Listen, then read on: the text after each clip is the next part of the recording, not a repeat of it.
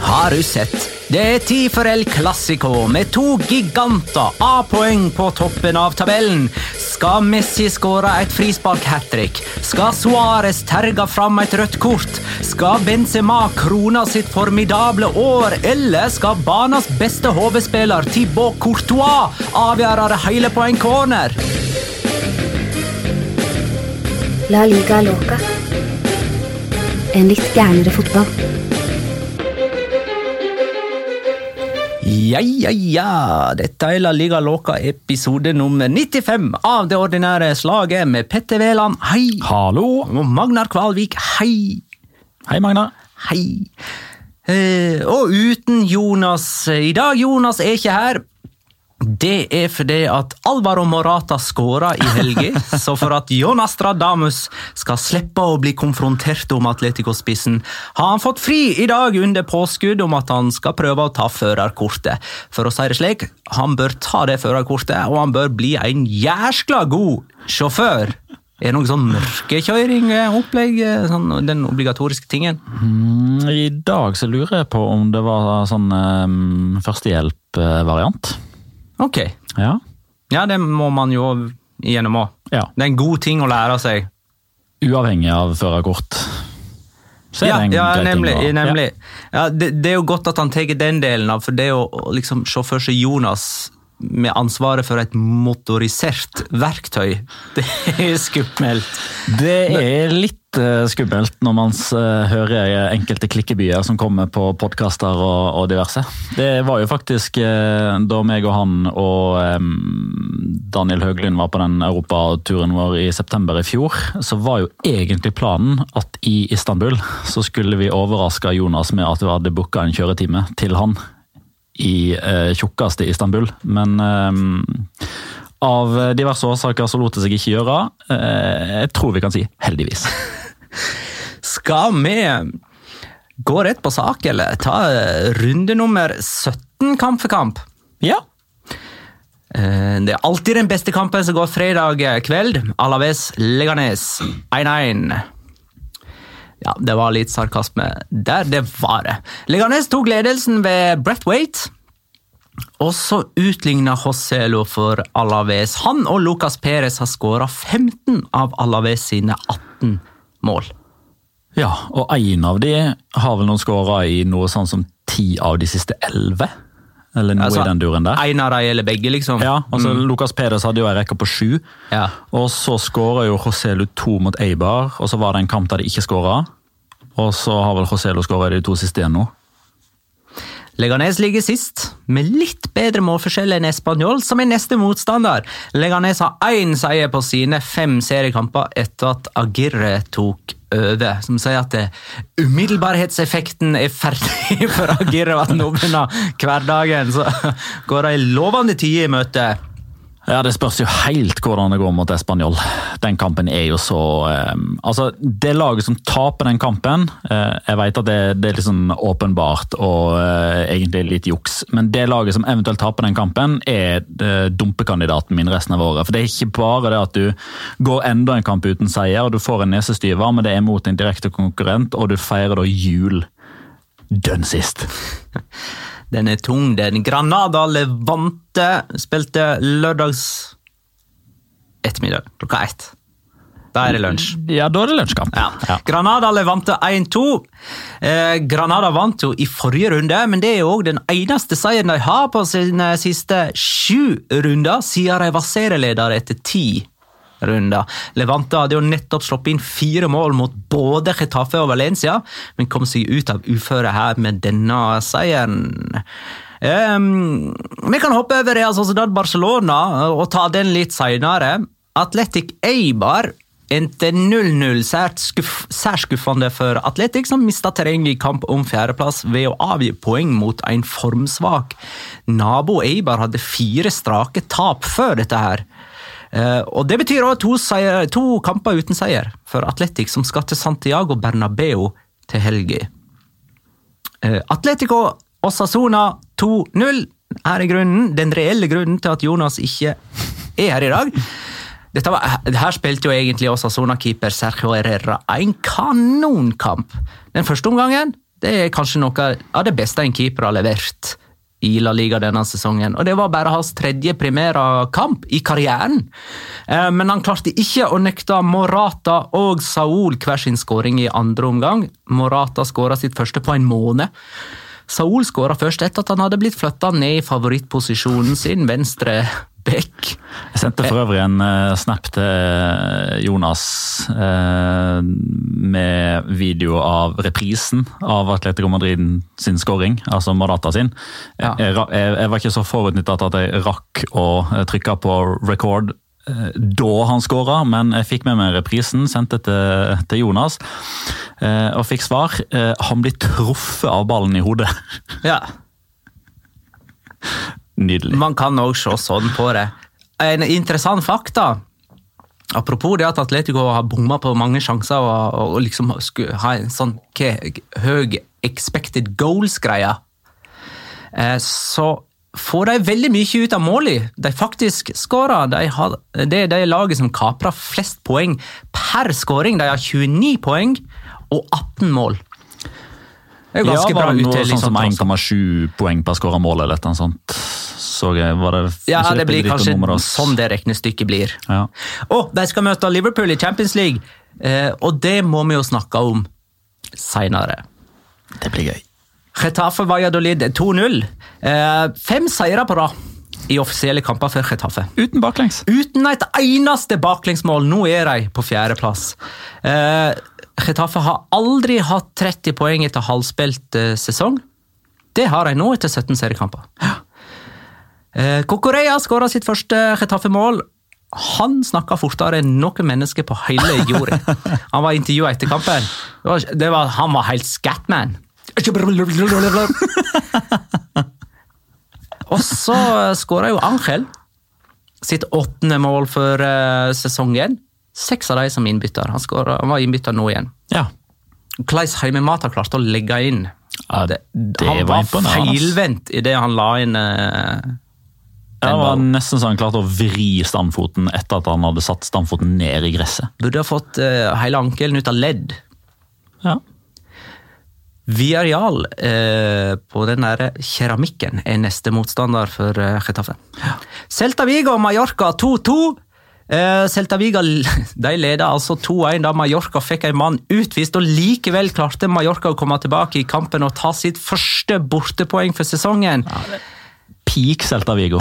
Det er peak Celta Vigo. Og så er det peak Mallorca at de utligner til 1-1 på straffe, som var det 15. straffesparket på 17 kamper med Mallorca involvert, og at Celta Vigo og Iago Aspas da tok ledelsen 2-1 på straffe. Det 16. straffesparket på 17 kamper med Mallorca involvert. Jeg ser liksom for meg en sånn eh, debatt mellom fotballsupportere, der en Mallorca-supporter da først får liksom framlagt den statistikken med at de har fått ni straffespark imot, og det er flest av alle. Ja, jeg veit det! Vi, blir så bortdømt! De, de, vil ha oss ned, de dommerne der. Altså, ja, Men Mallorca er det laget som har fått flest straffespark òg. Um, Sju har jeg fått, oh, ja. ni har jeg fått imot. Eh, av alle lag som har spilt primæra både på våren og høsten 2019, er Celta Vigo det dårligste. 34 poeng på 38 kamper. Det er jo sånn som egentlig betyr nedrykk, det, men de har på en måte fordelt det eh, riktig. da. Jeg tror ikke de hadde tatt et eneste poeng hvis ikke det var for Jago Aspas. det kan faktisk hende. Español Real Betis 2-2. Rubi-derby. Og Borja Iglesias derby, om du vil. Uh, Borja Iglesias hadde ikke skåra på nesten tre måneder. Så var han tilbake på sin gamle um, heimearena og skåra. Nå altså for Rehabetis mot Español. Uh, Serge Darder skåra kanskje rundt mål for uh, Español her. Det var et pent eh, mål, og, og, han er dermed toppskårer for Español med to. han og Mark Rocca har det. Ja, Espanol er vel det laget som har eh, færrest spisskåringer denne sesongen, sammen med Sevilla, tror jeg. Det kan stemme. Det kommer litt vel... an på om man definerer Monir eller Haddadi som spiss ja. eller angriper. Ja, for han er jo on fire, som de sier. Espanjol, for øvrig, for å ikke forlate dem helt, de tapte en europacupkamp de, denne For første gang på 10-12 år, var det vel? ja, lenge. Riktignok hatt et opphold på ti år i mellomtida der, da. Eh, Det var mot CSKA Moskva, men da var jo allerede avansementet sikra. Og de skal møte Wolverhampton i 16-delsfinalen i Europaligaen. Nuno Espirito Santo. Men de uh, har virkelig ryggen mot, uh, mot veggen nå. Altså, historien har jo en tendens til å gjenta seg. Uh, og det var vel både Mr. Chip og Pedrito Numero som var ute med øksa og bortimot sendte Spanjol ned. For nå har de altså ingen hjemmeseier, til tross for ni forsøk. Og det skjer da for niende gang i historien at et La Liga-lag ikke vinner noen av sine første ni hjemmekamper i en sesong. Og de åtte foregående rykker ned. Alle sammen. Eh, og bare sånn For å gi Español det siste dyttet over stupet, så kommer jo Oppda da og informerer om at eh, forrige gang Español gikk ni hjemmekamper på rad uten tap, da nådde de ti, var da de sist rykka ned, i 1989. Vi kan eh, sikkert touche innom Wolverhampton Español i, senere i episoden, når vi skal ta litt Europacup-snacks. Ja. Eh, Sevilla via Real 1-2. Altså, Vi Areal er en sånn klassisk liten nedrykkstrua klubb som klarer å sette ut feller for eh, storklubber. Litt sånn som eh, Levante. Er ikke du enig? Det er Litt som Levante Villarreal. Det er nettopp sånne resultat som får folk til å tro at Villarreal er for gode til å ende opp i nedrykksstriden, men de lurer ikke meg. Villarreal var ett av to lag på nedre halvdel som vant denne runden. Det andre laget, Levante. Ja. Nei, men jeg syns du treffer eh, spikeren rett på huet der. Kanskje en påminnelse òg om at Sevilla ikke er i stand til eller har nivået til å følge noe, de helt oppe i toppen. Som om vi trengte en påminnelse om eh, det. Nei, men det var jo det typiske. det der Barcelona hadde avgitt poeng, og El Clásico er noen dager unna der minst ett av de to lagene eh, avgir poeng. Da er det jo klart at da må jo Sevilla passe på at de ikke eh, tar inn noen poeng, men at de eh, heller bare øker avstanden opp. 68 innlegg slo de. 68. 68! Uh, ifølge Oppda så er det det høyeste antallet i en La Liga-kamp siden Almeria holdt på med et eller annet veldig rart for 10-12 år tilbake. igjen.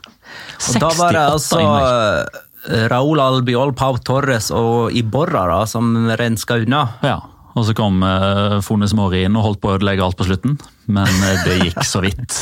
Albiol skåra jo òg.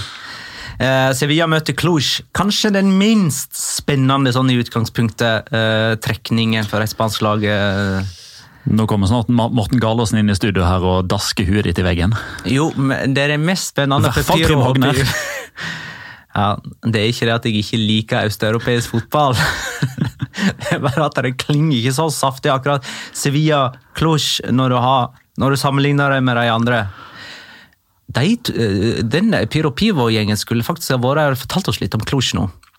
Men det kan de det er en stund siden de liksom var eh, pengesterke og Ja. drev og hevda seg. Ja, henta jo Mikke Dorsin og Ja, ja, ja. Alle gikk dit. Ja. Nei, men da kommer de i februar, da, vet du. Ja, ja. Jo, men dette her tar de sikkert i en episode, så litt sånn ja. eh, krysspromotering her nå. Ja, men det, eh, De to storkampene som vi på en måte har hoppa over her nå, det er jo eh, Real Sociedad Barcelona 2-2 eh, og eh, Valencia Real Madrid 1-1. Skal vi begynne med Real Sociedad Barcelona, eller? Ja, la oss gjøre det. Begge lag leder jo på ulike tidspunkt. Begge lag kom tilbake i et ganske intenst eh, oppgjør, eh, og selvfølgelig skåra Antoine Griezmann. Tilbake på Anoeta. Eh, Ikke like selvsagt, kanskje, men like fullt gledelig at svenske Isak rakk å skåre like før han eh, ble bytta ut. Hvordan syns du eh, Barcelona så ut få dager før El Clásico?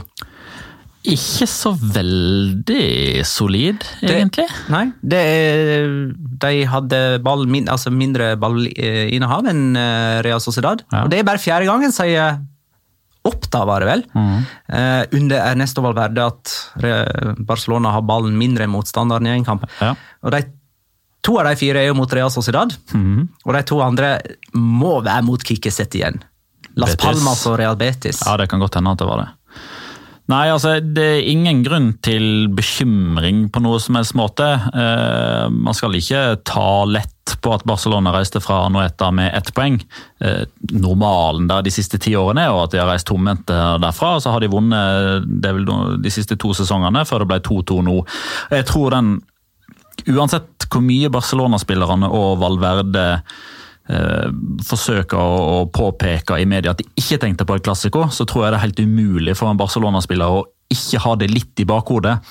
Eh, plutselig så er du i en situasjon der en takling som er litt dårlig tima, plutselig så er du på leggen eller akillesen, eller så fratar du mål, eh, motstanderen stor sjanse utenfor 16-meteren, så får du ikke spille i klassiko. Jeg tror det ligger litt i bakhuet der. Um, Messi vi er jo vant til å bli bortskjemt av han og hans eh, prestasjoner. Han eh, noterte seg for en målgivende pasning, og det var det. Og etter hans standard så er jo det dårlig. Det er jo faktisk det. Ja. Men det, det, var, det, var, litt sånn typisk eh, Barcelona at de ikke liksom varta opp med Barcelona-fotball, men likevel har disse øyeblikket som, som på en måte vipper kampen i deres favør. Selv om nå kom det et utligningsmål på en uvanlig Marc-André Terstegen-manøver på slutten der. Det er jo egentlig fire mål som blir skåra eh, basert på at motstanderen klarer å utnytte feil som spillere på det andre laget gjør. Eh, altså, Når det blir dømt til straffespark, med mindre det er helt riv ruskende gærent, og da hadde de i så tilfelle blitt eh, trukket tilbake av VAR. Eh, I forbindelse med alle straffespark så er det en spiller som gjør en feil. Mm. Sergio Busquets gjør en feil, mm. og han blir eh, tatt for den. Eh, baklengsmålet til Griezmann er 100% Diego Llorente sitt, som fullstendig feilberegner ballbanen og spretten, som gjør at Luis Suárez ja, får, eh, får, den. Og jeg mener òg at Diego Llorente må ta sin del av skylda for for, 1-2 eh, i form av å oppheve offside og egentlig ikke være helt Men det var nå det mest briljante målet likevel? Ja, allikevel. kudos til Busquets som utnytter feilen til Diego Llorente. Eh, og Isak, der er det, altså det Ter Stegen pleier ikke eh, å gjøre det der. Men så har jeg faktisk gått inn i igjen, nå må jeg bare komme med en si, disclaimer om at dette her er 100% subjektivt. Dette her er liksom min mening og min vurdering av hva som er en eh, keepertabbe, og på hva grunnlag man må ta skylda for et baklengsmål. Men jeg har Mark-André Stegen på fire. At han er skyld i fire baklengsmål for eh, Barcelona denne sesongen. Og Det stemmer liksom ikke helt med det jeg sjøl sa for et par uker siden, med at Ter Stegen nesten alltid redder Barcelona at han er liksom helt ufeilbarlig. Um, så det er liksom det, det, kan bli interessant, for jeg vil at vi skal prøve å vurdere lagdel for lagdel opp mot hverandre. Barcelona og Real Madrid senere. Hvis ja. vi får tid. Jo, men nå har jeg sagt det, så da må vi nesten få tid til ja, det. Vi må det. Men bare sånn, siden nå kan det hende at folk eh, kanskje lurer, men hva for noe mål er dette her? Eh, jeg har Santi Casola sitt langskudd mot eh, Forvia Real på Camp Nou. Den mener jeg at han skal ta. Det er et langskudd, det flakker likevel, men en mann av hans standard skal i utgangspunktet ta det. Ok, Så da ligger tabbe Tabbeterskelen hans ligger egentlig lavere? Da, en... Nei, enhver keeper hadde fått notert. Okay. Eh, fordi skuddet kommer mer eller mindre midt i mål. Eh, og jeg husker Etter det. den kampen og underveis da, så var man liksom veldig opptatt av fantastisk skåring av Casola, men man glemmer liksom å se hva keeperen holder på med. Eh, Kiko Olivas sin skåring for eh, Valladolid eh, må han ta på si kappa, i mine øyne. Eh, Ante Bodimir sin andre skåring eh, for Mallorca, og nå Isak sin, sin skåring. er skåringer jeg mener han skal ta. Det at Messi var så anonym i store deler av kampen, hvem skal ha æra for det? Hvis vi skal trekke fram en Real Sociedad-spiller Jeg har lyst til å si Ander Guevara, eh, men jeg, kanskje mest fordi at eh, ja, Se på han som en ung og lovende spennende spiller som får en ganske stor oppgave her. da. Ja. Jo, men han, han spilte en, eh, en, veldig solid kamp. Det syns jeg Igor Sobeldia gjorde òg. Kanskje de to spillerne i startoppstillinga som var mest sånn hmm, ja, Skal dette det. gå bra? Andi Guevara urutinert som et anker eh, på midtbanen, og Sobildia som kan finne på ganske mye rart. Og som spiller Han er egentlig midtbanespiller, men spiller altså midtstopper i denne kampen. Og er bedre som stopper. Men jeg, for ja, da virker det som han, da, da er han klar over at han ikke har noen bak seg, så da tør han ikke å gjøre det han ofte gjør. Som gjør at han mister ball Mm. i farlige posisjoner. Litt enklere kanskje å orientere seg når du er blant de bakerste. Ja. Ja, da, ja, da kan du liksom som regel bare forholde deg til det som skjer si, foran deg når du har ball, mens når du er anker, så må du være orientert 360 grader. Og ellers så Ernesto Valverde hadde lovord om eh, Ødegaard. Eh, kanskje først og fremst fordi at Ødegaard var, han var veldig spillbar for eh, Real Sociedad. Var, var alltid ledig. Han kunne Han var vanskelig å fange opp, var ikke Ja, det han jo, det hadde sagt til VG? Mm. Ja, og Det syns jeg eh, egentlig er en veldig god beskrivelse, for var, han, han er han har blitt veldig, veldig veldig flink til å lese spillet. Lese, altså ha romforståelse. Mm. Vite hvor han skal plassere seg for å kunne komme i riktig posisjon om to, tre, fire, kanskje fem, seks, sju sekunder. Det å lese spillet og komme i gode posisjoner, der var han eh, veldig, veldig flink. Um, og de relasjonene som vi har snakka om, som han og lagkameratene har med hverandre, er fortsatt kjempegode. Altså, lagkameratene vet òg når de skal spille ballen til han. For det er ganske mange situasjoner der f.eks. Miquel Merino eller José Borsaldoa holder ballen enda litt lenger enn hva kanskje andre spillere ville ha gjort. Eh, altså de hadde kanskje spilt ballen til Ødegaard enda tidligere, som hadde gjort at rommet til Ødegaard kanskje ikke hadde vært så stor, for den ikke har rukket å komme seg i 100% riktig posisjon. Og Det er jo noe som, er, som må jeg, gis eh, kreditt til både jeg, Ødegaard og Merino og Alguacil. Jeg tror, jeg tror Alguacil er en veldig viktig bidragsyter til at de har klart å få den romforståelsen og den relasjonen der. Um, og så syns jeg det var på en måte litt befriende å se at Martin Ødegaard eh, han har faktisk det i seg at han kan være litt egoistisk i enkelte situasjoner. Selv om det i det tilfellet viser seg å være en feil avgjørelse. Da han velger å skyte fra 16-17 Ja. og han kan slippe ballen til sin venstre. Og for så vidt òg til sin høyre, der han har gode løp. Eh, og så mangler det siste eh, lille, som var litt tilsvarende som mot eh, Valladolid. Eh, og spesielt den ene eh, som er på stillinga 2-2, etter at William José har kommet inn. Eh, så skjønner jeg ikke helt hvorfor den ballen må slås med utsida. Med liksom utsideskru istedenfor bare sende den rett fram med innsida. Men bevares. Må du gjøre alt med stil, liksom? Bevares. Dette her var en, eh, en fullt godkjent kamp av eh, Martin Ødegaard mot eh, Barcelona. Jeg vil gi han um, terningkast eller skala 1 til 10? Nei, det blir Én til ti har flere nyanser. Ja, sju, da. Sju. Ja. Vi går til Valencia Real Madrid, som altså endte 1-1. Rundens sjette uavgjorte. Eh, utrolige overtidsminutt der Valencia kunne ha sikra 2-0 før Real Madrid fikk et annullert mål. Før Real Madrid fikk et tellende mål halvminuttet etter at tillagt tid var ute. Valencia er nummer åtte. Real Madrid å skåre ett for et blåstikk i dommeren av kampen. Eh, Valencia er nummer åtte. Eh, de er bare tre poeng bak fjerdeplassen. da. Eh, Real Madrid er fremdeles altså A-poeng med Barcelona. God åpning av Real Madrid. Litt forbløffende for meg at ikke de skåra på noen av sine seks sjanser i løpet av de første 20 minuttene. Men så, det, så slokner de, liksom. Kanskje tilfellet er at eh, Celades og, og Valencia for at eh, kampbildet på en måte endra seg så voldsomt. Ja, ja, bevares.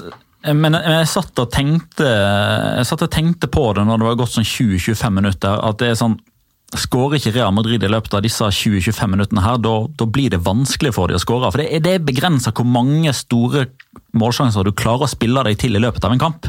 Eh, og eh, Det kan kanskje høres litt ulogisk ut, men jeg har en sånn formening om at eh, skaper du seks-sju kjempestore sjanser i løpet av de første 20 minuttene, så klarer du sjelden å skape seks-sju nye målsjanser i løpet av de neste 70. Først og fremst fordi eh, motstanderen klarer antageligvis å reagere på det du allerede har gjort. De kan foreta seg noen grep. Eh, og så er det jo sånn at I løpet av 90 minutter så er det begrensa hvor mange store målsjanser du klarer å spille deg til. Og De kommer gjerne i bolker. Det er ikke matte, du, det er ikke sånn at du skaper seks sjanser etter 20 minutter, og så har du 12 etter 40, og så Nei, svært sjelden så er det sånn, altså. Men av og til, av og til. eh, Jeg vet ikke om du har gjort det, men jeg har gjort det.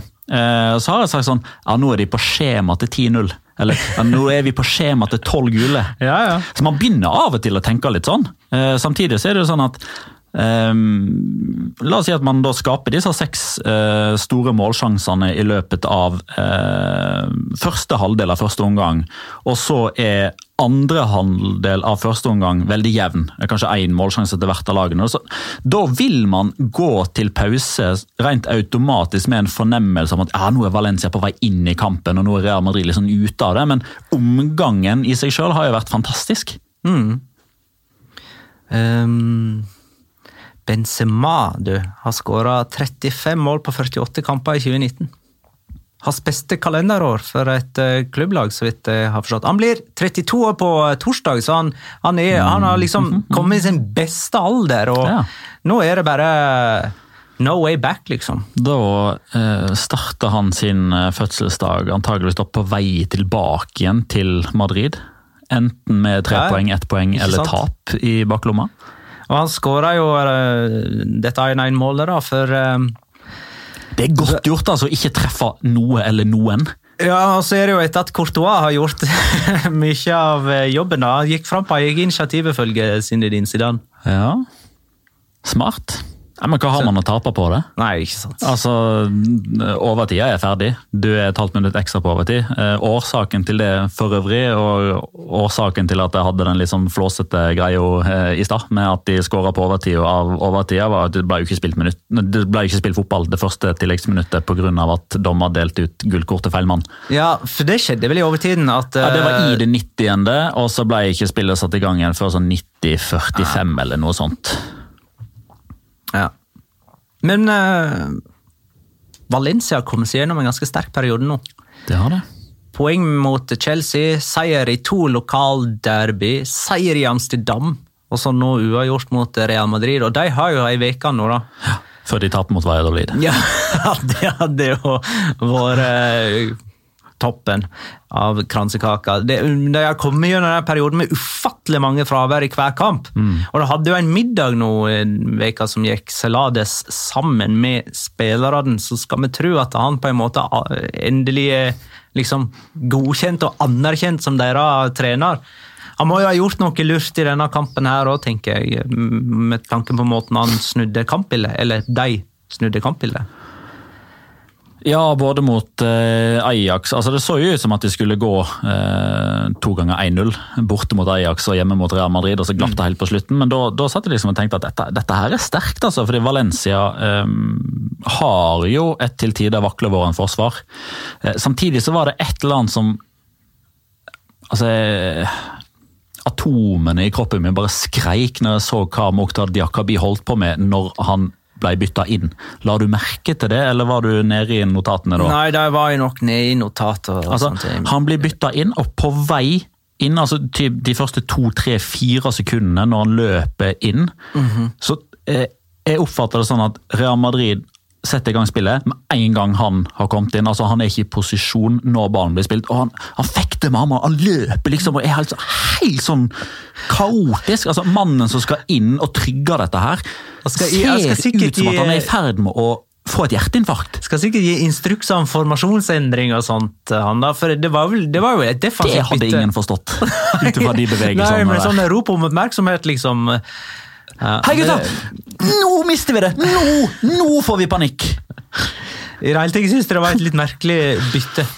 Men uh, ja. for, jeg tenkte liksom at uh, Forsvaret hadde grei nok kontroll uh, på situasjonen. Liksom Få inn enda en kokk, følte jeg det var det byttet der. Ja, han klarte jo ikke å men det var vel strengt tatt Kondogbia, eh, ikke Diakaby, som eh, da ikke klarte å å klarere ordentlig den uh, Nei, det var Kondogbia som tapte duellen med Courtois, og så var det Garay som fikk ballen i føttene etter returen. Oh, ja, jeg trodde det var Kondogbia som forsøkte seg på en sånn form for sånn hæl, hæla ballen vekk. Stakkars Garay. Han fikk ballen i føttene, og han skjønte at ballen var en eller annen plass, men han visste ikke nøyaktig hvor hen, så han begynte bare å flagre med føttene, og så ah. kom han borti han sånn at han trilla helt fint bort til Benzema, som ja. satt i nei, nei.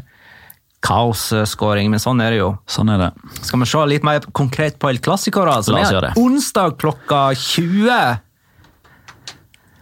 Ja, Vi får se da om det blir kamp. Du, er dette en sånn De er A-poeng nå. Kan de fort være tilfreds med A-poeng etter kampen nå? Det er jo litt av risikoen fra et nøytralt ståsted, at man nuller hverandre og man blir litt for redd for å tape enn eh, at man ønsker å vinne. Jeg tror kanskje ting kunne ha vært litt annerledes hvis dette her var klassiker nummer to. I hvert fall for hjemmelaget, der det liksom hadde vært en gyllen anledning til å liksom eh, stikke av fra, da, eller få, eh, få et trepoengs eh, forsprang. Og hvis det var allerede et trepoengs forsprang, så ville jo det ene laget vært ganske desperat etter å ja, liksom, unngå i alle fall at det ble enda verre. Ja. Det er jo Skal jeg se, hva var det Mr. Chip skrev? Eh, Det var vel aller første gang at de skulle spille et El Clásico på Camp No, der lagene hadde like mange poeng så langt ut i sesongen. Ja. De har møttes på Santiago Bernabeu, A-poeng. Senest i eh, runde 31 av 2009-2010-sesongen. Nei! Da vant Barcelona 2-0, Yes. og vant til slutt serien. Da hadde begge lagene 77 poeng, og var 19 poeng foran Valencia. Det var tide! Det var de tiende der. Eh, Hvis du skal ta Skal vi ta eh, tre styrker Ja. for hvert lag som gjør at de kan vippe dette i sin favør? Hvis vi sier liksom De går for å vinne. Ja. Nei, Barcelona sin er jo Lionel Messi. Sjokk! Nei, men det må vi. Jo, jo det, det er den åpenbare. Altså, han øhm, har jo skåra 21 mål i El Clásico. Det er flest av alle gjennom alle tider. Og selv om han da til han å være bare hadde en målgivende på bortebane mot Real Sociedad, så har han jo nå hatt målpoeng i jeg tror det er to kamper denne sesongen han har spilt der han ikke har enten skåra eller servert en, øhm, en lagkamerat. Han, han så mange. To. Jeg trodde han hadde. Slavia Praha hjemme. Oh, ja, du tenker han med Champions League òg. Ja. ja, riktig. Greit. Ehm, så det er jo liksom den, den åpenbare. Hvis det er noen som i utgangspunktet skal avgjøre dette og er en styrke for Barcelona, så er det Messi. Uh, og så vender jeg tilbake til Marc-André Ter Stegen, selv om jeg har uh, sagd han litt uh, tidligere i episoden. Men altså, han kan stenge buret hvis han, hvis han kommer inn i den mentaliteten der. Og han blir jo òg Dette er styrke to. ja, dette er styrke to. Eh, og han blir jo på mange måter en ekstra utespiller med ball. altså Han er så god med ballen i beina at eh, Barcelona angriper jo egentlig 12 mot eh, Eller 11 mot 10. Du, siden det var så populært forrige uke å spørre hvem har flest målgivende pasninger av Marc-André Terstegen og Eden Hazard? Svaret er Marc-André Terstegen. Kanskje vi skal spørre nå hvem har flest headinger på mål av Thibaut Courtois og Lionel Messi? Nei, på mål, da er det jo Courtois. For Messi header utenfor. måtte det altså da. Riktig. Ja, det er, jeg, lik, jeg liker sånt. Jeg liker sånt. Tilretteleggeren tar Stegen og luftens baron Courtois. Ja, for det ble, det ble jo mål av det òg. Det ble det. Det, ble det. Tredje styrke, da? Eh, hjemmebanefordelen. Ok. Eh, og man sier jo Litt kanskje- kjedelig nå. Litt kjedelig. Du har to spillere og så hjemmebane. Ja, kom gjerne med forslag. Nei, du klarer, ikke, du klarer ikke å si system, eksempel. Og, det, og det, det sier jo litt, det. Ja. Eh, du kan, Nei, men Jeg syns ikke systemet til Barcelona under Valverde er en styrke. Nei, ikke sant? Og du kan ikke si lagdel. Nei, det er jevnt over hele fjøla, syns jeg. Men det er jo interessant her at du har Mark-André Terstegen da, som eh, en av de tre styrkene, siden du nettopp har lista opp fire tabber denne sesongen. Ja, men det er mot, å høre på meg nå, litt sånne bunnlag. Villarreal, Valladolid, Mallorca. Og det er liksom og, han- ja, han pleier å være- Sociedad, Ja, Jo, ja, men Som vil være den eneste som koster poeng, da.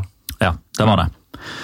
Men jeg føler at uh, i en kamp på uh, Camp Nou, uh, i tillegg til at han er så god keeper Han er jo en god keeper selv om han har fire baklengsmål som han kan ta på sidekappa. Han har jo redda langt flere enn det, så han er jo i pluss by far. Men det er det aspektet med at han er en ekstra utespiller med ball. Som gjør at de kan forsøke å spille av presset på en helt annen måte enn Levante eller Valencia eller Retafe kunne ha gjort på, på samme måte. Ehm, skal vi ta tre styrker for Real Madrid, da? Ja, Grunnen til hjemmebanefordelen er altså at eh, de har ikke tapt på kamp nå på over et år. eh, Og de har Ja. eh, kun tapt to av de siste elleve El Clásico i seriesammenheng som er spilt på kamp nå. Forrige lag som eh, Barcelona på kamp nå, var Real Betis i november i fjor. 3-4. 4-3. Og da ble det en sånn type kamp som det ble, litt pga. at Betis og da hadde en keeper og en spillestil som gjorde at eh, han ble en ekstra utespiller med ball, så de nulla hverandre litt der. Ok, Real Madrid, da. Like kjedelig med nummer én, Karim Benzema. Bedre enn noensinne. Sikra poeng mot Valencia. Helt sikkert sugen etter å få en tidlig bursdagspresang kvelden i, i forveien. Og det er liksom ikke bare det at han skårer mål, men han har altså Messi har tolv mål og seks målgivende.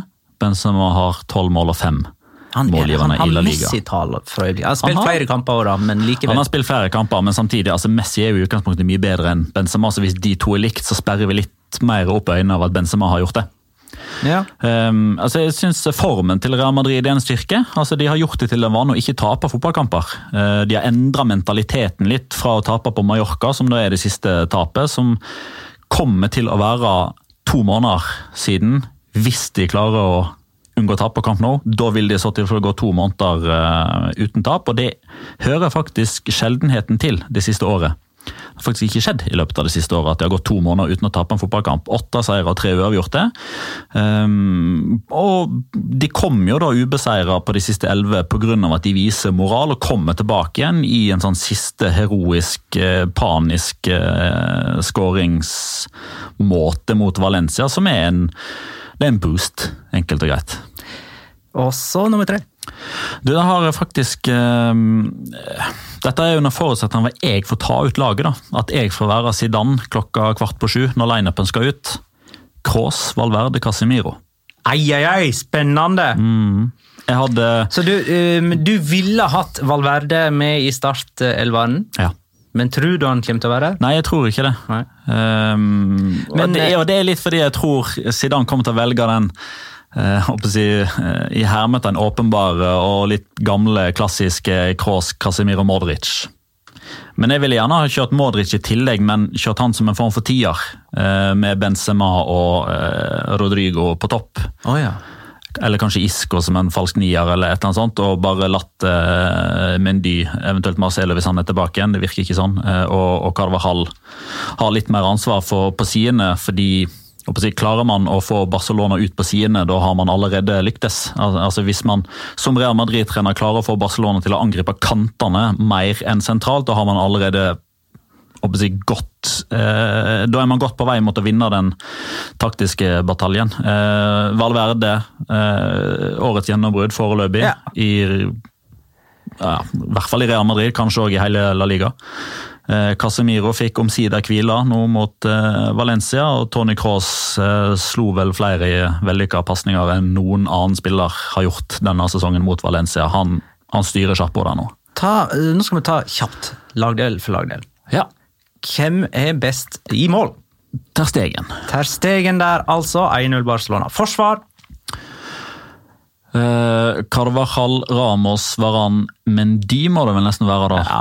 Eh, mot ja, Sergi Roberto, kanskje. Mm. Eller tror vi Semeda starter. Det har ikke noe å si. Piquet, Lengle, Alba, som ser litt rusten ut. Real Madrid sitt forsvar. 1-1. Midtbana, der tror jeg du er på Ja, eh, der, er Real Madrid. på, der er jeg på Real Madrid. Og angrep. På Barcelona. 2-2. For de fire, det er jevnt. Eh, Det går mot uavgjort, med andre ord. Hvor mye uro kan vi forvente oss før denne kampen? Du, der eh, Det er jo det som dessverre gjør at eh, Jeg kan jo ikke si at det kribler i magen heller, men det gjør meg, gjør meg litt urolig.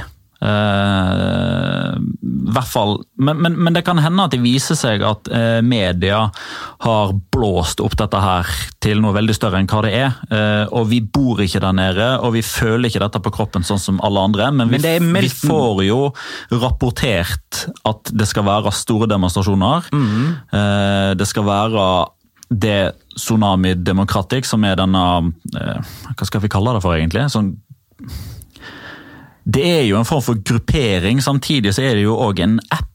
Sånn som jeg har forstått det, som eh, gjør at man på mange måter avtaler hvor man skal møtes. Okay. Og, eller Tsunami Democratic bruker en app for å få folk med. Er eh, en slags politisk bevegelse, da. Det, ja, der, ja, der tror jeg vi traff. Eh, og de har jo et veldig, veldig klart ønske, som de har vært veldig veldig tydelige på.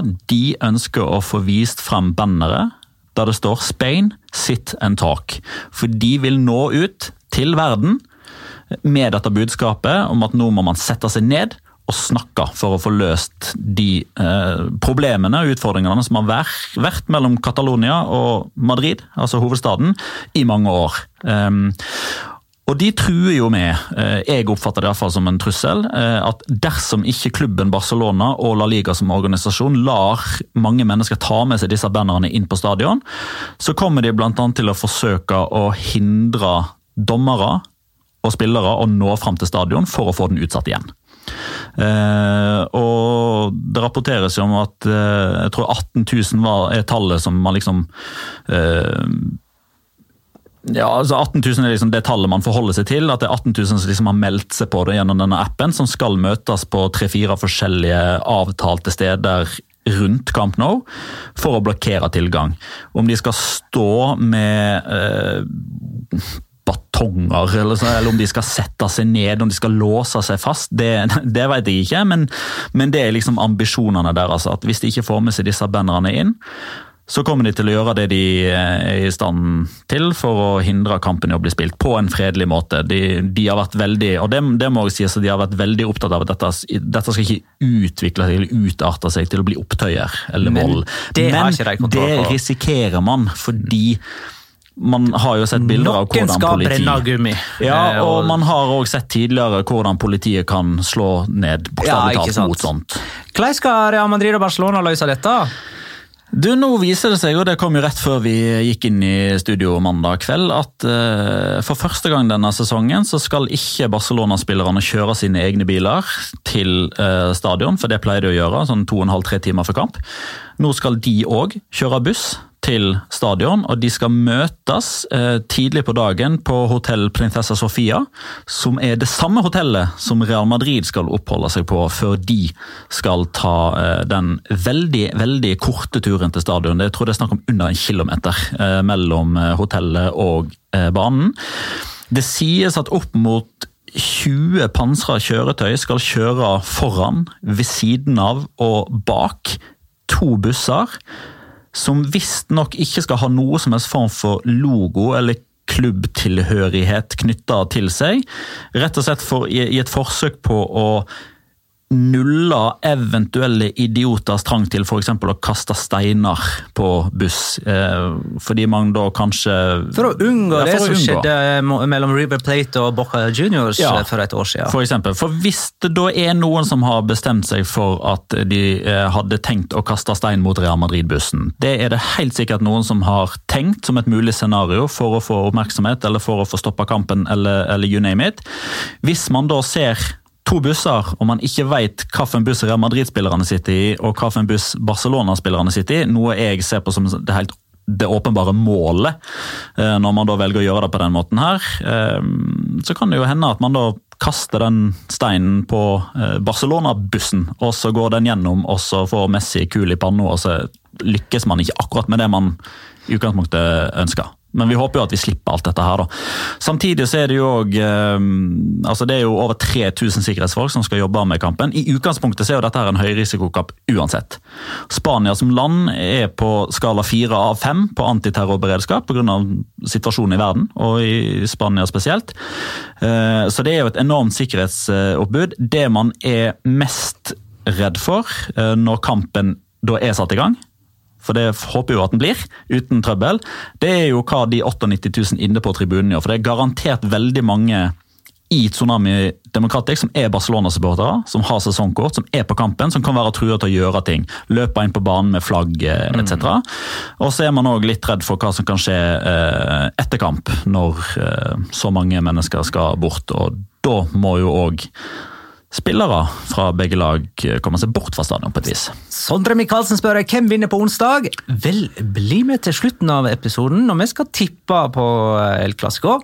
Eh, Alf Jakob spør skal Petter se onsdagens El Clásico. Det går rykte om at Vox sender jul med ABBA samme tidspunkt. Kan det være at musikken trumfer fotballen denne gangen òg? ABBA, hvor kom den fra? Nei, vi har rett og slett bare klart å skape et inntrykk av at uh, ja, Kanskje ABBA automatisk er Melodi Grand Prix? Musikk blir prioritert ja. for deg, Petter. Ja, Men jeg har heldigvis to skjermer. ja, Så du kan høre på ABBA jeg må høre og, på deg. og se El Clásico. Jeg, jeg, skal høre på deg, og så skal jeg se på musikken. Den er grei. Um, Gaute Brandser spør hva syns dere om at offisielle klubbkontoer klager skråstrek kommenterer dommeravgjørelser, sånn som Real Sociedad og Real Betis gjorde denne helga. Eh, Det vil si at nå har vi forlatt eh, El Clásico sånn eh, for denne gangen, og beveget oss inn på et nytt fenomen, spør du meg. Det er at sosiale mediekontoer til diverse klubber driver og legger ut såkalte bevis om at de blir bortdømt i fotballkamper.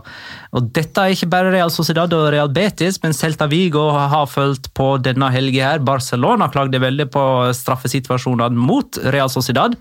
Real Sociedad svarer vel faktisk på det, gjorde ikke det? da? ja. Eh, er det en konkurranse nå om å være dårligst behandla blant eh, klubber? De blir veldig krenka i Spania òg. Det er ikke bare her i Norge. Men dette der virker, altså, uh, dette der virker som en skummel konsekvens av videodømming. Ja. Eh, for man, Hvis man så- har en fornemmelse av at med videodømming så skal bli, alt skal bli riktig, og plutselig er fotball 100 rettferdig, Det- og hvis ikke det blir det, da, ja, da er det konspirasjoner. Det virker som en skummel konsekvens av feiltolkning av hva VAR er. Ja, ikke sant? Ja.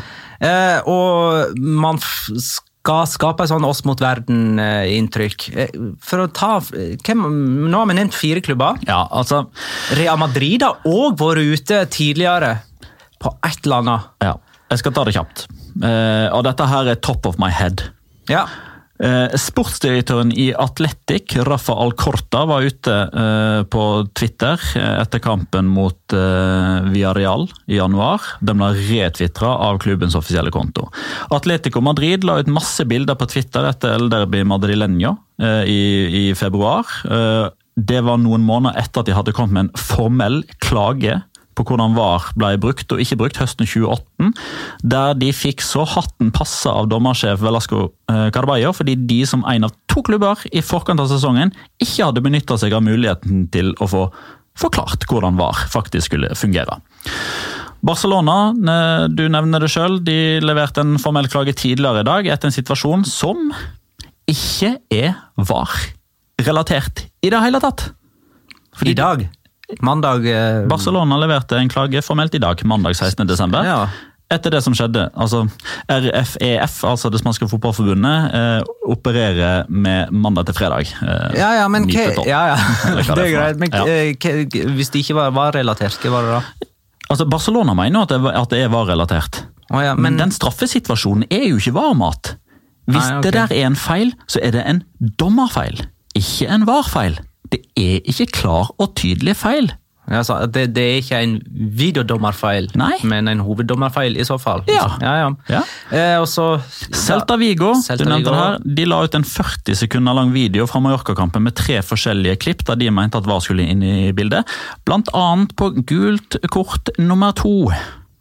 God dag, mann økseskaft. De Ja, det kan ikke jo ikke regelverket engang! Nei, og Celta Vigo leder jo 2-1 på mens uh, Mallorca var redusert til ti mann, så hvis de skal klage på dommere her, så er Ja, det de, en ansvarsforskrivelse. ja, ja, altså, de, de, de glemte jo at det straffesparket de sjøl fikk, var av det litt billige slaget. ja. eh, og så Ja, Det tar for lang tid hvis du skal gå gjennom dette. Men Español har gjort det, Retafe har gjort det, Leganes har til og med bedt om omkamp etter at det de mente var en VAR-feil. Levante har gjort det, Osasona gjorde det denne helga. Real Madrid gjorde det etter kampen mot Real Sociedad for snart et år siden. Valencia har gjort det, og Valladolid har gjort det. Det virker som at hvis én klubb starter litt sånn furting i sosiale medier, så må de andre klubbene følge på i frykt for å framstå som en klubb som er tilfreds. Skjønner du ikke, Maja. At Ingen vil være den klubben som later til at alt er i orden, for da vil det se ut som det er akkurat den klubben som får alle dommeravgjørelsene til sin fordel. Det er litt sånn der, det er som å prøve å skjule at det var du som feis. Altså, hvis du sitter i et rom, befolka rom og fiser, eh, så må du klage på at det er ille lukt, ellers så vil folk tro at det er du som har fese. Veldig godt. Så barnslige er de, da! Ja, men det er, jo, men det er faktisk veldig interessant, det. Fordi eh, Valladolid-fansen i eh, januar, for å ta de som et eksempel, Da spilte de kamp mot Levante og fikk en skåring annullert. Brukte fire-fem minutter på å oppfatte om en situasjon var borti ballen eller ikke, ergo om det var offside eller ikke.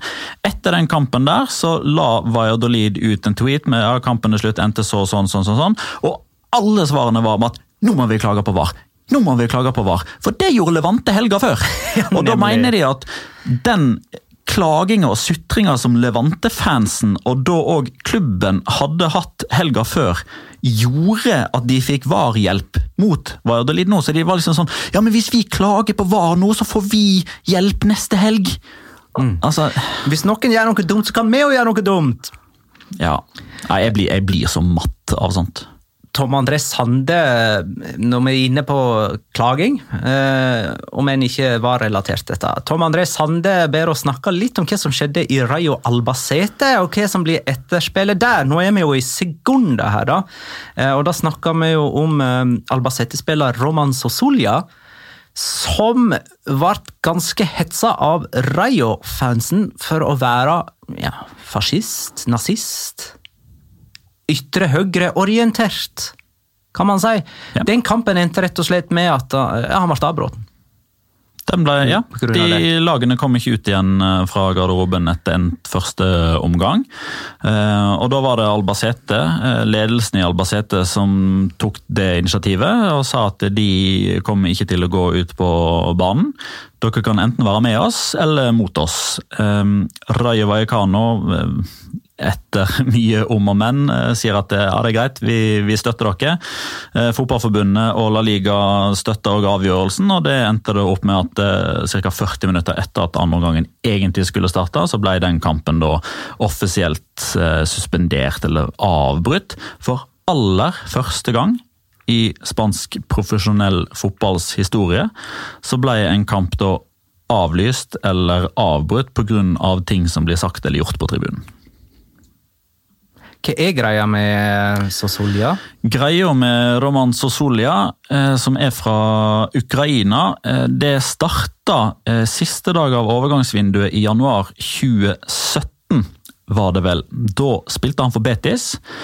Og ble da leid ut til Raja Vallecano den aller siste dagen av overgangsvinduet i januar 2017. Eh, og med en gang den overgangen ble bekrefta, så tok det fullstendig fyr i kommentarfelt, sosiale medier, og alle telefonene gikk varmt blant de som da er med i Bucaneros, som er eh, Rayo Vallecano sin supportergruppe, som i alle år har vært veldig venstrevridd og samfunnsengasjert, og har vært de som har protestert mest mot eh, moderne fotball og, og alle ting.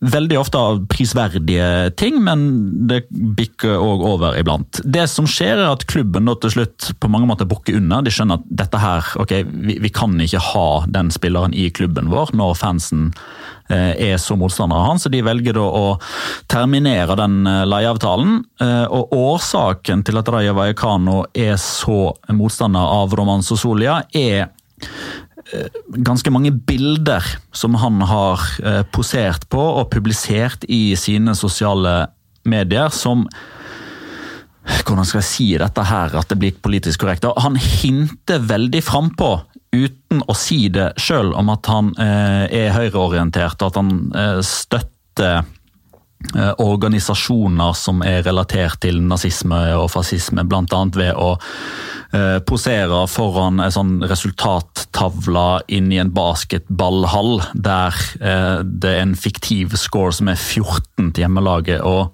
88 til bortelaget. Et veldig lite vanlig resultat i basketball, altså 14-88, som visstnok da skal bety det skal være en symbolikk i 1488 for de som støtter Ok. nazister. Ja. Eh, og, og litt ma mange andre ting. og Han har posert på bilder sammen med eh, ledere av eh, forskjellige militære organisasjoner som er linka opp mot, eh, mot høyresida, og han er involvert med finansiell støtte til noe eller noen som er involvert i den krigen som foregår i Donbas-området osv. Dette kan jeg veldig lite om. Eh, jeg er litt ukomfortabel med å snakke om det, i frykt for å si noe feil fordi her er jeg fullstendig ute på bar bakke. Men det går altså da så langt at gjennom hele førsteomgangen mellom Rayo og Albacete, så roper Rayo-fansen jævla nazi, jævla fascist etc., etc., og kampen blir avbrutt. Men det som egentlig vekker litt min nysgjerrighet, er om uh, har det blitt anklager eller ytringer om det motsatte, altså rasisme fra tribunene i spansk fotball i det siste. For det er så aktuelt både i England og i Italia. og Der har det vært mye snakk om å eventuelt stoppe kamper hvis sånne ting skjer. Men jeg har ikke registrert eh, anklager om det i Spania. Nei, ikke etter det Daniel Alves Nei, på bortebane mot Villarreal. Det begynner å bli mange år siden. Det er noen år siden. Da var det en banan som ble kasta mot han, ja. og han plukka det nå på åt. Ja. Og, og avvæpna jo det som ja. et våpen. Og takka jo etter kampen for at han fikk den energien. Ja, ja. Nei, så det har ikke vært et problem, så vidt jeg har registrert. Men uh, at noen blir anklaga for nazisme, det har nå vært et uh, problem. Og det har altså ført til stopping av en kamp. Det er ganske oppsiktsvekkende. Det er oppsiktsvekkende, eh, og det, dette er jo, det er jo som å åpne et vepsebol og gå inn og lese på sosiale medier eh, hva spansk, eh, spanske folk, spansktalende folk skriver i, i underkant av disse håper jeg, altså Isak Foto, blant annet, som er en journalist som følger Rayo tett, som legger ut informasjon. altså hva skjer, blir den spilt for tomme tribuner, når blir den spilt, bla, bla, bla. Og da utvikler det seg til en debatt i, i svarene der, der noen er indignerte over at man stopper kamper basert på at noen blir kalt nazi og fascist, men ikke for rasisme eller for homofobi og sånne ja. type ting. Og så er det noen andre som mener at uh, Albacete skal hylle de skal hylles for den standingen de tar, eh, og sier at det som er forskjellen på at denne kampen ble stoppa, men ikke de andre, var at Barcelona gikk ikke av banen da Dani Alves fikk ei banankast mm. etter seg. Det valgte Albacete å gjøre nå, og da satte de på mange, på mange måter La Liga og det spanske fotballforbundet sjakkmatt. Skal vi snakke om noe hyggeligere? Ja! Alle spanske lag er videre i sine europacuper. Eh, og i dag, mandag 16. desember, så falt ble neste motstander for hvert av de trukket. Eh, vi er vel mest overraska over at Valencia er videre. For øvrig, både rundt spiller og når det utgår i dag. Er at vi ikke er fulltallige. Sånn går det av og til. Ja. Og så har vi hatt så mye å snakke om eh, ellers. Ja, altså er det på tide at alle La Liga-spillere går helga i møte uten frykt for at de har blitt jinxa. Ja, eh, men det kan Skåra Joakim denne helga? Nei, men han spilte fantastisk bra. Det gjorde han ikke. Mest overraska over Valencia, da, som tar seg videre fra gruppa med Ajax og Chelsea. En fantastisk prestasjon, og så trekker de Atalanta. Og Da er vel Celades like glad som Gasperini. For den ja, da tror jeg det er to uh, veldig uh, fornøyde trenere og to veldig fornøyde uh, spillergrupper som går to fine måneder i vente, egentlig, med et reelt håp om kvartfinaleplass i Champions League. Altså, For meg er det der 50-50. Ja. Men er det det for deg òg? Ja Jeg, jeg, jeg altså, syns det er litt feigt, da. Jeg, altså, jeg pleier alltid altså Hvis jeg mener at det er 50-50, så tenker jeg enda litt til for å finne ut hvem som skal få 55-45. Ja. Og for min del så har det blitt Valencia. Det kan hende at det er fordi jeg er partisk, men for min del så går det på rutine. I så fall. Atalanta i Champions League for første gang og ja. har altså gått videre. Altså, 100 av gangene. Ja, de har aldri røket ut av uh... Altså Forrige sesong, da Atlanta ble nummer tre i serien, så starta de sesongen med bare én seier på de første åtte. Og så På våren så gikk de 13 strake uten tap. Og Det er jo litt sånn som de gjorde i den Champions League-gruppa, når de starta med null poeng på de første tre kampene og tok alle sine sju poeng på de siste tre, og, bare vakna plutselig den siste halvdelen. Hvis det er Atalanta som går videre, så veit vi hvem som skårer målet som sender de videre. Sier du da. Louis Moriel. Å herregud, han hadde jeg helt glemt. Unnskyld. Unnskyld. Det var ikke meninga å vekke opp igjen uh, vonde minner. Han herja der òg, han. Ja. Så det... Papo Gomez òg er kjempespiller. Vi hopper videre. Mest skuffa etter gruppespillet, på tross av avansement, er jeg over Atletico Madrid. Og de trekker men de, de tok seg jo videre, de gjorde jo det. Ja. De trekte um, Liverpool, mm. og da Liverpool skulle møte Barcelona, var det i april, det? I Champions League? Ja, Første kampen i april og andre kampen var vel da blitt første eller andre mai, tror jeg. Ja, det kan være. Eh, da satt vi her og hadde en preview og omtalte Liverpool som verdens beste lag. Det gjorde vi ikke etter det første møtet med Barcelona, men vi gjorde det sikkert igjen etter det andre møtet med Barcelona. Men hvis de var verdens beste lag i april 2019, hva er de nå? Nei, Om desember eh, 2019 så syns jeg ikke det er noe som helst tvil. Basert på det de har vist over tid. De, mener- de jeg er mener for- regjerende Champions League-mester, og de topper nå Premier League Ja. med 88 poeng.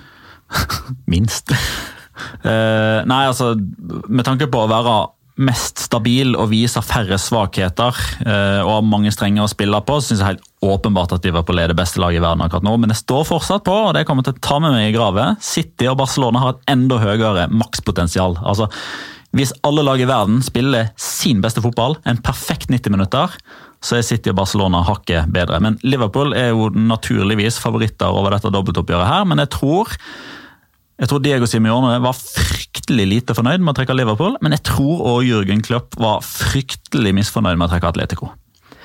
Real Madrid møter Manchester City og Pep Guardiola, som hadde et brukbart tak på Real Madrid som Barcelona-trener i sin tid. Akkurat nå ser det vel ut som at City satser alle kort på Champions League-bordet. Det er vel Ja, men det er litt interessant i begge de to oppgjørene der. Når vi kommer til mars, eh, eller februar-mars, hvordan er ståa i kanskje først og fremst Premier League, men òg La Liga. Altså, La Liga ser det ut til å være litt mer jevnt, at på mange måter da, da henger alle lag med. Men hvis City da finner ut av at nei, de er faktisk reelt ute av gullkampen der, så setter de alle kluter til i Champions League. Mens for Liverpool sin del så er det litt sånn skal de da begynne å eh, stille, om enn ikke B-lag, men i hvert fall veldig redusert i en to-tre kamper i Premier League i løpet av en, en månedsperiode som gjør at de kanskje går på noe bananskall, og så begynner liksom den frykten å komme skal det, skal det fanken ikke gå denne gangen heller?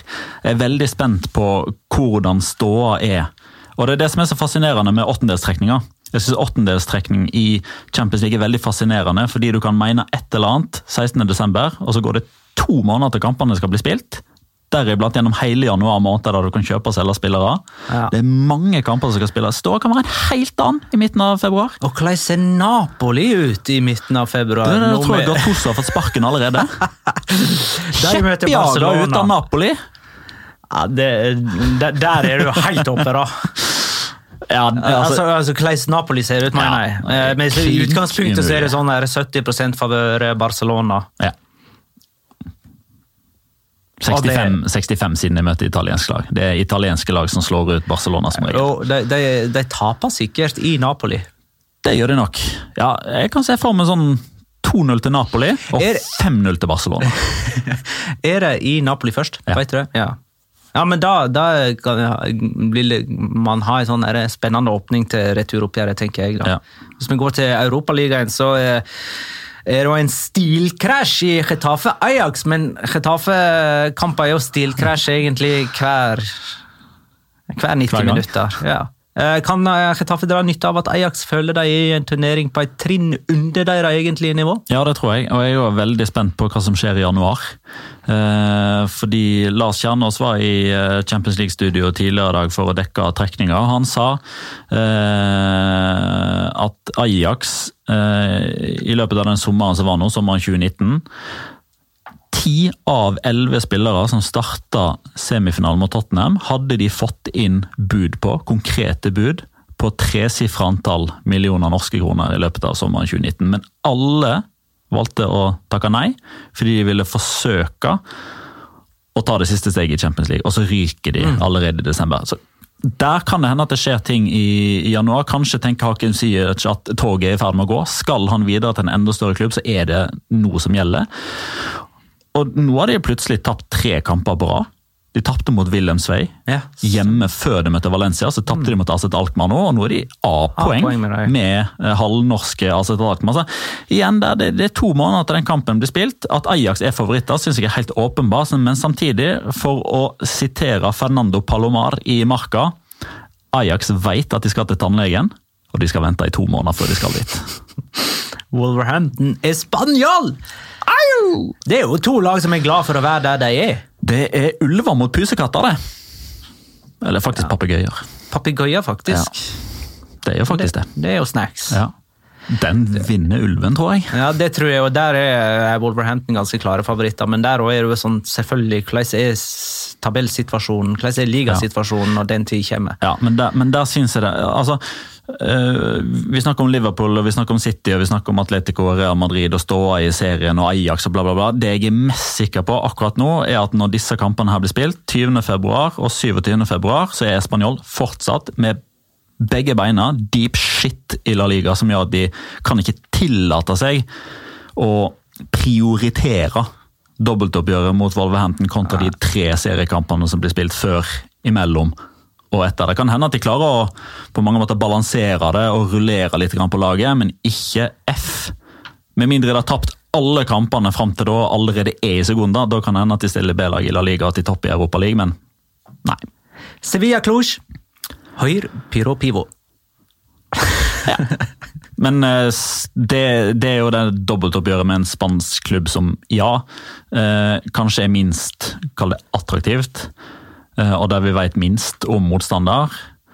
Og der jeg i ren ignoranse sier at vi har den største favoritten òg. Jeg håper Bendik Diesen har fått svar. for Det var han som spurte oss om vi kunne gå gjennom disse to, eller sju trekningene. Hvem tror dere går lengst? Og Da tar vi bare kjapt alle sammen.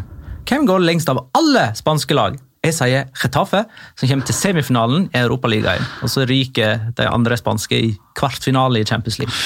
Bortsett fra eh, Atletico, som ryker allerede i åttedelsfinale. Ja, ikke sant? Og Valencia, kanskje. Ja, jeg tror Barcelona kommer lengst eh, i, Champions League. Jeg, jeg, tror egentlig de, jeg tror egentlig disse kampene her ender med litt sånn negativ fortegn. Eh, jeg prosentsatte alle dobbeltoppgjørene. Jeg tror egentlig bare tre av sju spanske går videre. Greit, da tar vi litt locora! Ukens La Liga Locura. Locura. La Liga Locura. Jeg har tre forskjellige jeg, som ikke helt klarer å skille. Men i og med at Jonas ikke er her, så kan jeg ta en på vegne av han. Kom da. Ehm, det var fire spillere som skåra mål mot gamleklubben denne serierunden. her. Ruben Rochina mot Granada. Antoine Griezmann mot Real Sociedad.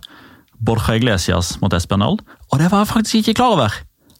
Før jeg da ble klar over det. Marc Bartra har spilt i Espanol. Ja, der ser du. Den var eh, ny for meg òg. Ja, eh, og jeg har jo eh, før statistikk, sånn detaljert statistikk på det siden sesongen 2014-2015. Aldri før i det tidsperioden der har det vært fire sånne tilfeller i løpet av én serierunde. Så det syns jeg var litt gøy.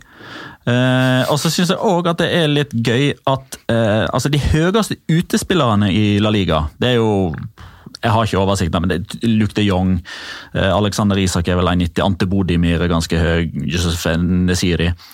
De tre spillerne som har skåra flest mål med hodet i La Liga, det er altså Alvaro Marata, det er greit, han har tre. Han er 189 cm. Men det er Angel Rodriguez, som er 1,72, og Ruben Garcia, som er 1,71. Ha, ikke engang Thibaut Courtois, som er to meter, har Han har ikke skåra i det hele tatt! uh, og så må jeg bare òg få fortsette den føljetongen med høyreback kontra venstreback. Daniel Wass, takk skal du ha. For han, gjorde, han utligna til 4-4 ja. i serierunde nummer 17. Som gjør at det nå er 4-4 mellom eh, høyre, og venstrebacker ja. som har assistert. Ja, som har slått mål gjennom pasning. Så det betyr at de siste 13 serierundene så har høyrebekkene fått enten like mange eller flere enn venstrebekkene. Jeg syns det er fascinerende. Det syns du er fascinerende. Min lokora. Jeg tar imot tipset fra Emil André Karlsen, som spør redda Tomas Roncero Atletico Madrid-sesong med denne tweeten etter kampen mot Villarreal. Eh, for jeg er jo jinx-kongen her. Eh, vi må alltid ha en som er verre jinxer enn det jeg er, så jeg tar Thomas Ronceroen uh, i dag fra AS. Etter at eh, Atletico spilte 0-0 mot Villarreal, så tvitra han eh, Atletico brukte opp alle sine mål i New York i sommer, da de spilte mot Real Madrid i en treningskamp. Det ble 7-3 der. Ja. ja. Um, de trodde de skulle erobre verden, og se nå. Og Da hadde altså Atletico spilt tre kamper på rad uten å skåre. De hadde tapt mot Juventus og Barcelona har spilt 0-0 mot Villarreal. Og etter den tweeten så har de sleget Lokomotiv Moskva 2-0, og også Sona 2-0. Så plutselig har de begynt å skåre og holde nullen. Så nå er det straka veien opp mot toppen for Atletico. Vet du hva jeg kom på nå? Kom på. Eh, I sommer eh, Jeg skal ikke nevne navn eh, eller hva avis vedkommende jobber for. Men han lagde en sak på Martin Ødegaard, basert på noen uttalelser som noen spanske journalister kom med. Deriblant Thomas Roncero. Men han uttalte navnet hans litt annerledes, for han stilte da meg et spørsmål der han lurte på, han lurte på om Thomas Runkero var troverdig. Det syns jeg var litt gøy. Det var gøy. Skal vi tippe, da? Det skal vi. Ja. Skal vi tippe på El Clásico, da? Det Ja. skal vi. Jeg har allerede tippa der, jeg. Har du? Ja. uh, ja, altså, vi har vel alle det. Altså Jo, men på lufta. Tidligere i episoden. Å ja. Ja. Hva ble det i lagdelene? 2-2. Ja. Aha, Og aha, Karim Benzema skårer først. Aha. Um, skal bare ta det at vi hadde Valencia Real Ja. Madrid eh, forrige kamp, med Carlos Solera som ble uh, førstemålsskårer i den kampen. Jeg hadde 1-2. Det ble 1-1, sier det? Ja. Det ble, jeg tippa 1-2 med Benzema som førstemålsskårer. Det gir null poeng. Jeg har 17. Petter tippa 2-2 med Rodrigo som førstemålsskårer. Det gir ett poeng fordi at du hadde UN, eh, og da har du 16. Ben, eh, Jonas hadde 1-2 og Benzema. Det er null poeng på han, og dermed så har han 13. 17, 16, 13 er altså stillingen. Jeg tippa Barcelona, Real Madrid 2-1 og Luis Suárez. Petter tippa 2-2 og Benzema. Benzema. Jonas har jeg fått melding fra tidligere i dag. Han tippa 3-2 til Barcelona og Lionel Messi. Så vi har i det minste tre forskjellige målskårere, og Petter er dristig nok til å gå for en U. Ok. Da har vi gått langt over vår tid. Det er fint. Eh, Jeg takker da for alle spørsmål og innspill til nok en episode. Tusen takk for at du lytta, kjære lytter. Ha det, da.